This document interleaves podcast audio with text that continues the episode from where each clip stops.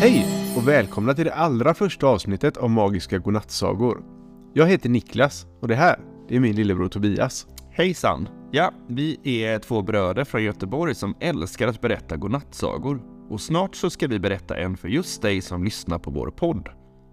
Vi kommer att berätta nya godnattsagor varje måndag till fredag. Och om du vill så får du gärna vara med och önska vad nästa saga ska handla om. Om du vill det, så be en vuxen hjälpa dig att surfa in på vår hemsida, magiskagodnattsagor.se. Där kan ni tillsammans skicka in era förslag på godnattsagor, antingen som ett röstmeddelande som vi kan spela upp för alla som lyssnar, eller via ett vanligt textmeddelande. Ja men vad kul! Jag hoppas att det kommer in många bra förslag. Men Niklas, vi har ju glömt att berätta en spännande sak.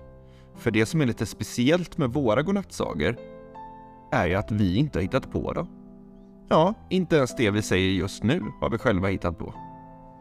Nej, det är ju faktiskt så att det inte är bara du och jag här i studion Tobias. Nej, precis. Det står en väldigt stor mackapär här bredvid oss. Jag undrar vad som händer om man trycker på den. Ska vi prova? Ja, det tycker jag verkligen. Jag trycker här nu.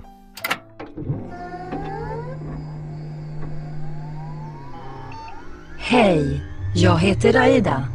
Trevligt att träffa er Niklas och Tobias. Nu undrar ni säkert vad jag är för någonting. Jag styrs av en teknik som heter AI. Det kallas även för artificiell intelligens. Det betyder att jag kan lära mig och tänka som en människa. Jag skriver allt som ska sägas i podden och hittar på alla sagor. Det är även jag som gjort alla fina bilder till er podd, gjort all musik och hittat på alla konstiga saker ni säger. Om ni vill fråga mig något kan ni bara säga hej, Aida, så ska jag försöka svara så bra jag kan. Vad vill ni veta idag? Wow, vilken smart mackapär!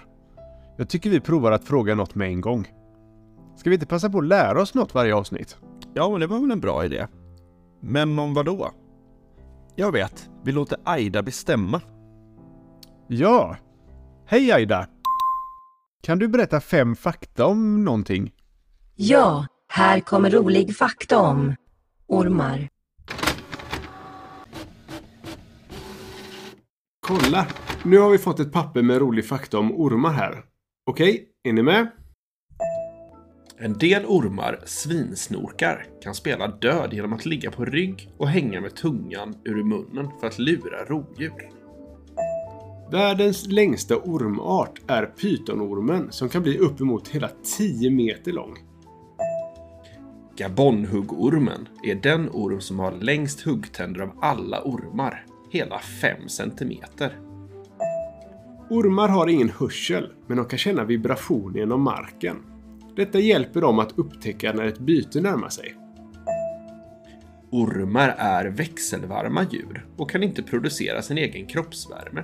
Så de måste ligga där det är varmt, till exempel i solen, för att bli varma. Det var väldigt intressant fakta. Vad kul! Ja, och nu börjar det bli dags att läsa kvällens godnattsaga. Idag så är det Alve som har skickat in ett önskemål. Alve är sju år och kommer från Borås och han vill gärna höra en saga om en jultomte som har blivit allergisk mot snö. Hej Aida! Kan du skriva en godnattsaga om en jultomte som har blivit allergisk mot snö? Okej, här kommer den.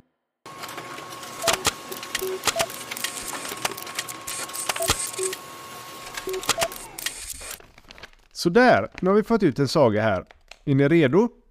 Här kommer nämligen sagan om jultomten som flyttade till Spanien.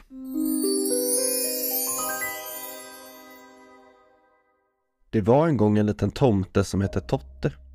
Totte bodde i ett litet hus i en skog i Sverige. Där han brukade hjälpa till, se till att allt fungerade bra för människorna i byn. Men en dag började Totte märka att han inte mådde bra när det var snö ute. Han fick nysningar och rinnande näsa och kände sig alltid trött och hängig. Han visste inte vad det var som orsakade hans problem, men han gissade att det hade att göra med snön. Totte pratade med sin mor om det här och hon föreslog att han skulle flytta till ett ställe där det inte fanns så mycket snö. Totte tänkte att det kanske var en bra idé, så han började leta efter ställen att flytta till. Efter en stund hittade han en plats som verkade perfekt. en liten by vid havet i Spanien. Där fanns det mycket sol och varmt väder året runt. Och Totte tänkte att det skulle vara den perfekta platsen för honom att bo på. Han packade sin lilla väska och började resa till Spanien. Resan var lång och tröttande. Men till slut kom Totte fram till den lilla byn. Han hittade ett litet hus att bo i och började snart att känna sig mycket bättre. Totte blev en viktig del av byn och hjälpte till med allt möjligt. Han reparerade saker, planterade blommor och hjälpte till att sköta om trädgårdarna. Människorna i byn gillade Totte mycket han trivdes verkligen bra där. Men en dag när Totte var ute och promenerade i skogen hittade han en liten snöflinga som hade blåst ner från bergen. Han blev så lycklig när han såg den att han plötsligt insåg att han inte längre var allergisk mot snö. Han visste inte vad det var som hade fått honom att bli fri från sin allergi, men han var mycket tacksam och glad över det. Han visste att han alltid skulle minnas den här resan och den lilla byn där han hade fått hittat friheten från sin allergi. Totte bodde kvar i byn i många år och hjälpte till att göra den till en vacker och trivsam plats att bo på. Han lärde sig att älska solen och värmen och han njöt av att kunna gå omkring barfota året runt. Men han kunde inte glömma sin gamla hemby och ibland saknade han den lilla skogen där han hade växt upp. Så en dag bestämde han sig för att åka tillbaka och hälsa på sin mor och alla de andra tomtarna. Han packade sin väska igen och började resan tillbaka till Sverige. När han kom fram var det mörkt och kallt och han kände sig lite ovan vid det. Men hans mor och alla de andra tomtarna välkomnade honom med öppna armar. Och Totte insåg att han fortfarande hade en plats hos dem.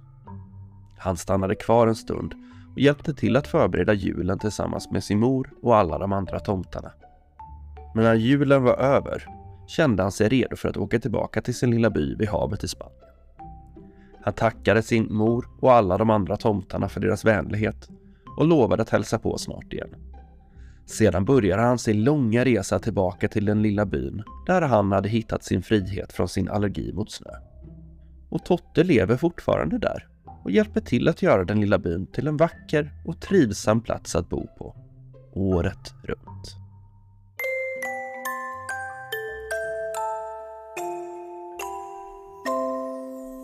Det var dagens godnattsaga. Visst var den bra? Tack för hjälpen Aida. Vill ni vara med och bestämma vad nästa saga ska handla om? Gå i så fall in på vår hemsida magiskagodnattsagor.se eller skriv till oss på Facebook eller Instagram. Där heter vi också Magiska Godnattsagor. Sov så gott alla barn, så hörs vi igen imorgon. God natt.